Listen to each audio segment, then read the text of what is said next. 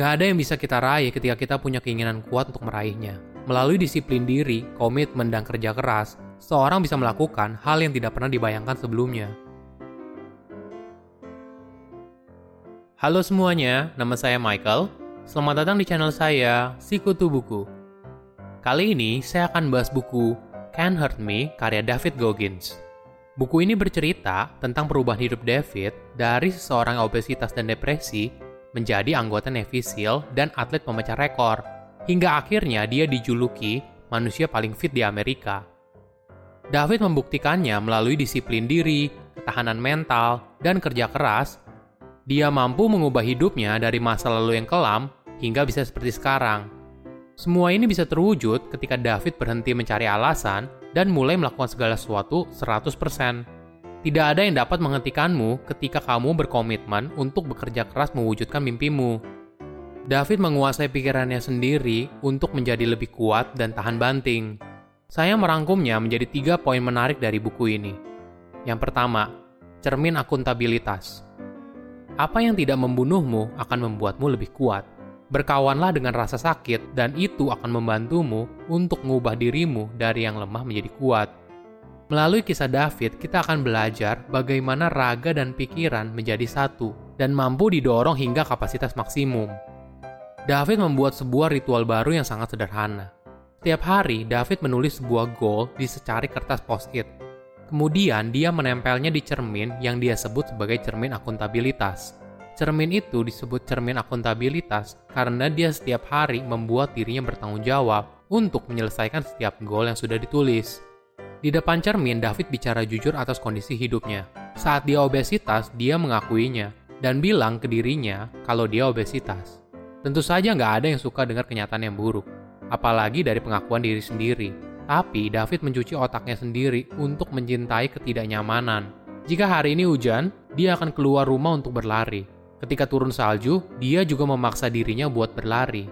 Saat pikirannya mulai goyah, dia berdiri di depan cermin dan memotivasi dirinya untuk terus bertahan. Ketika dia berhasil menurunkan berat badannya secara signifikan, dia sadar kalau semua itu hanya bisa berhasil ketika dia bertanggung jawab pada dirinya sendiri. Kedua, lakukan apa yang orang pikir tidak mungkin. Dalam diri setiap orang punya potensi yang luar biasa kita hidup di masyarakat yang biasa-biasa aja. Jadi ketika ada seseorang mampu merubah hidupnya secara signifikan, orang tersebut pasti akan diberi penghargaan yang luar biasa. Heraklitus, seorang filsuf dari Persia, menjelaskan tentang manusia yang ada dalam perang. Dari 100 orang, 10 dari mereka seharusnya tidak ada di sana. 80 lainnya hanya sebagai target, 9 lainnya merupakan petarung. Tapi hanya ada satu orang yang merupakan prajurit. Nah, jadilah prajurit sejati untuk menemukan kejayaan hidupmu sendiri. Ketika kamu berhasil menguasai pikiranmu, kamu akan hidup dengan keberhasilan yang gak pernah kamu bayangin sebelumnya.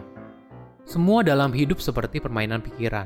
Lakukan hal yang membuatmu tidak nyaman, khususnya yang kamu tahu hal itu akan membuatmu jadi lebih baik. Nah, kamu lakuin itu terus-menerus, sedikit demi sedikit. Ini seperti kisah David saat memutuskan untuk mendaftar sebagai anggota Angkatan Laut SEAL. Saat itu, berat badannya hampir mencapai 150 kg dan dia harus menurunkan 50 kg lagi sebagai salah satu syarat untuk diterima.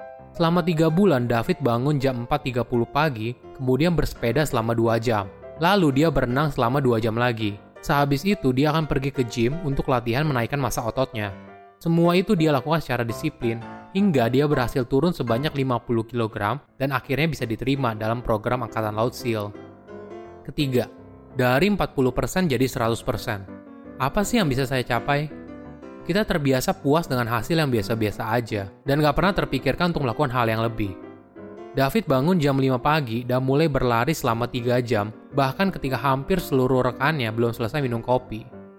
Karena dia bekerja lebih keras daripada orang lain, dia jadi lebih percaya diri sebagai instruktur angkatan laut. Sama halnya ketika kita mendorong diri kita untuk bekerja lebih keras melewati semua rasa sakit dan penderitaan. Hingga akhirnya kita mampu mencapai hal yang lebih baik secara fisik dan juga mental. Sayangnya, banyak orang berhenti di 40%. David menyebutnya sebagai aturan 40%.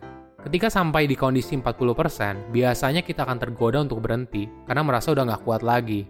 Ada tips yang bisa kita coba. Ketika kita sedang berlari di treadmill, kemudian kita merasa capek banget dan mau berhenti, paksa diri kamu untuk tambah 5-10% lagi. Dorongan kecil ini akan mencegah tubuh kamu dari cedera, tapi membantu tubuh dan pikiranmu menjadi terbiasa pada standar baru yang lebih tinggi. Ketika kamu menambah 5-10% tiap minggu, kamu akan kaget melihat hasilnya di akhir bulan. Gak ada yang bisa kita raih ketika kita punya keinginan kuat untuk meraihnya. Melalui disiplin diri, komitmen, dan kerja keras, seorang bisa melakukan hal yang tidak pernah dibayangkan sebelumnya.